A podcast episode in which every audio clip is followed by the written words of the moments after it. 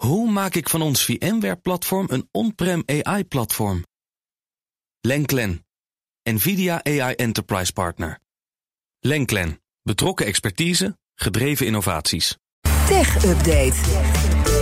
Dan gaan we naar Joe van Buren. Goedemorgen, Joe. Dag Iwan en Connor. Ja, ik zit hier nu met twee tech-redacteuren. Dus Ik wou zeggen, dit is een uniek Kan ik het gewoon aan jullie laten of zo? Is dat een goed Ja, idee? nou, jij, jij bent ook oud-tech-redacteur. Dat is waar. Oké, dus dan gaan we beginnen over bij Elon Musk, uiteraard. Want er is weer genoeg te melden. Ja. Er is een nieuwe poll op eh, eh, zijn Twitterpagina. Mhm. Ehm, over zichzelf, geloof ik. Ja, deze hadden we niet verwacht, denk ik. Want de vraag is: willen we dezelfde mate of minder Elon Musk op Twitter?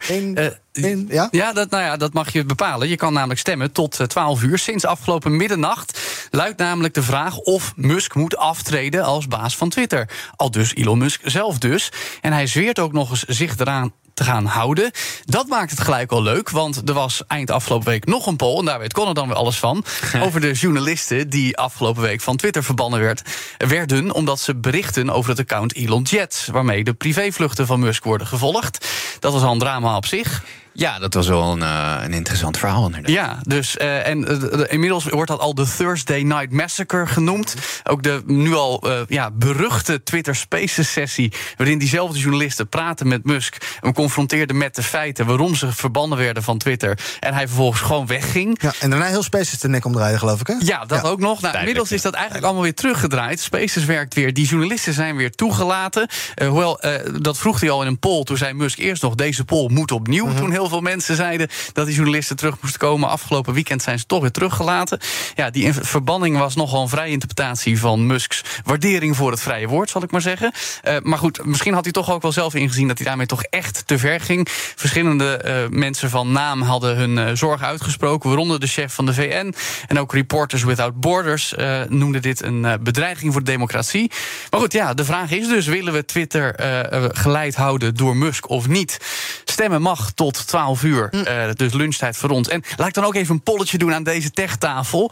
eh, met een eh, voorganger en oud-collega op de techredactie. Hebben we ooit eerder zo'n aanhoudende treinramp van een techsoap gezien? Iwan, voor jou is het al wat langer geleden dat je dit deed? Nee, dat hebben we nooit eerder gezien. Nee, dat is duidelijk. Nee, en ik zou ook eh, eigenlijk eh, willen zeggen... als je een Twitter-account hebt, stem dan eventjes hierop. Want stel je voor dat Elon Musk voor 44 miljard dollar Twitter heeft gekocht...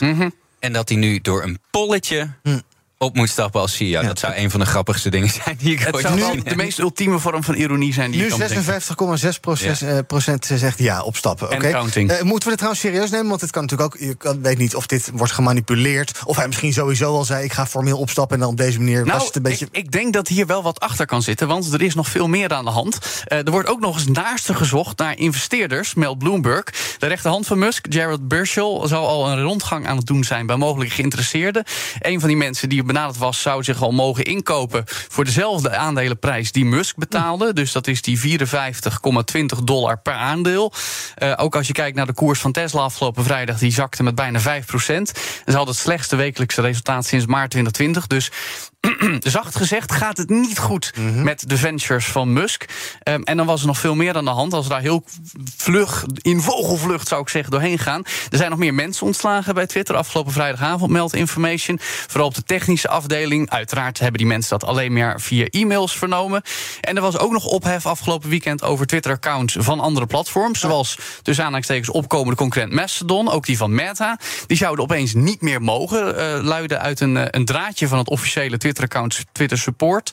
Inmiddels is dat draadje weer verwijderd. Echt waar? Ja, Wat het is ook niet meer helder Oh, oh, wat oh. nou wel en niet mag. Eh, er zijn ook media die zeggen je mag niet meer linken naar een Mastodon-pagina. Maar ik heb bijvoorbeeld in mijn profiel eh, op Twitter doodleuk mijn Mastodon-profiel staan. Je bent er als ik daar, ja, ik ben er nog. En als je daarop klikt, dan eh, is het niet verboden. Maar dan krijg je wel een melding. Dit is een gevaarlijke Oh ja. website. Maar het werkt, werkt nog wel gewoon. Je vraagt je ook haast af of Musk het zelf nog wel meekrijgt. Want die was doodleuk gisteravond bij de WK-finale in Qatar. Ja. Samen met Jared Kushner, de schoonzoon van Donald Trump. Ja, Oleg Bio. Ja, Je had kunnen zien eh, dat ze daarheen waren gevlogen op Elon Jet op Mastodon. Geen grap. Ja, Dus notabene. Ja. Nog even praten over dat eh, andere techbedrijf. Wat ineens, ik zag ergens een tweetje voorbij komen met. Goh, opeens lijkt Facebook een heel modern en fijn platform. Nou, Moederbedrijf van Facebook, Meta, daar is iemand vertrokken. Ja, nou niet zomaar iemand. John Carmack, die was lange tijd de CTO voor de virtual reality divisie Oculus, die jaren geleden door Facebook gekocht werd. Carmack is niet koning in de tech- en gamesindustrie, vond ooit het schietspel Doom uit, heeft veel digitale eh, innovaties ontwikkeld. Maar die eh, liet afgelopen weekend weten helemaal klaar te zijn met het beleid van Mark Zuckerberg. En vooral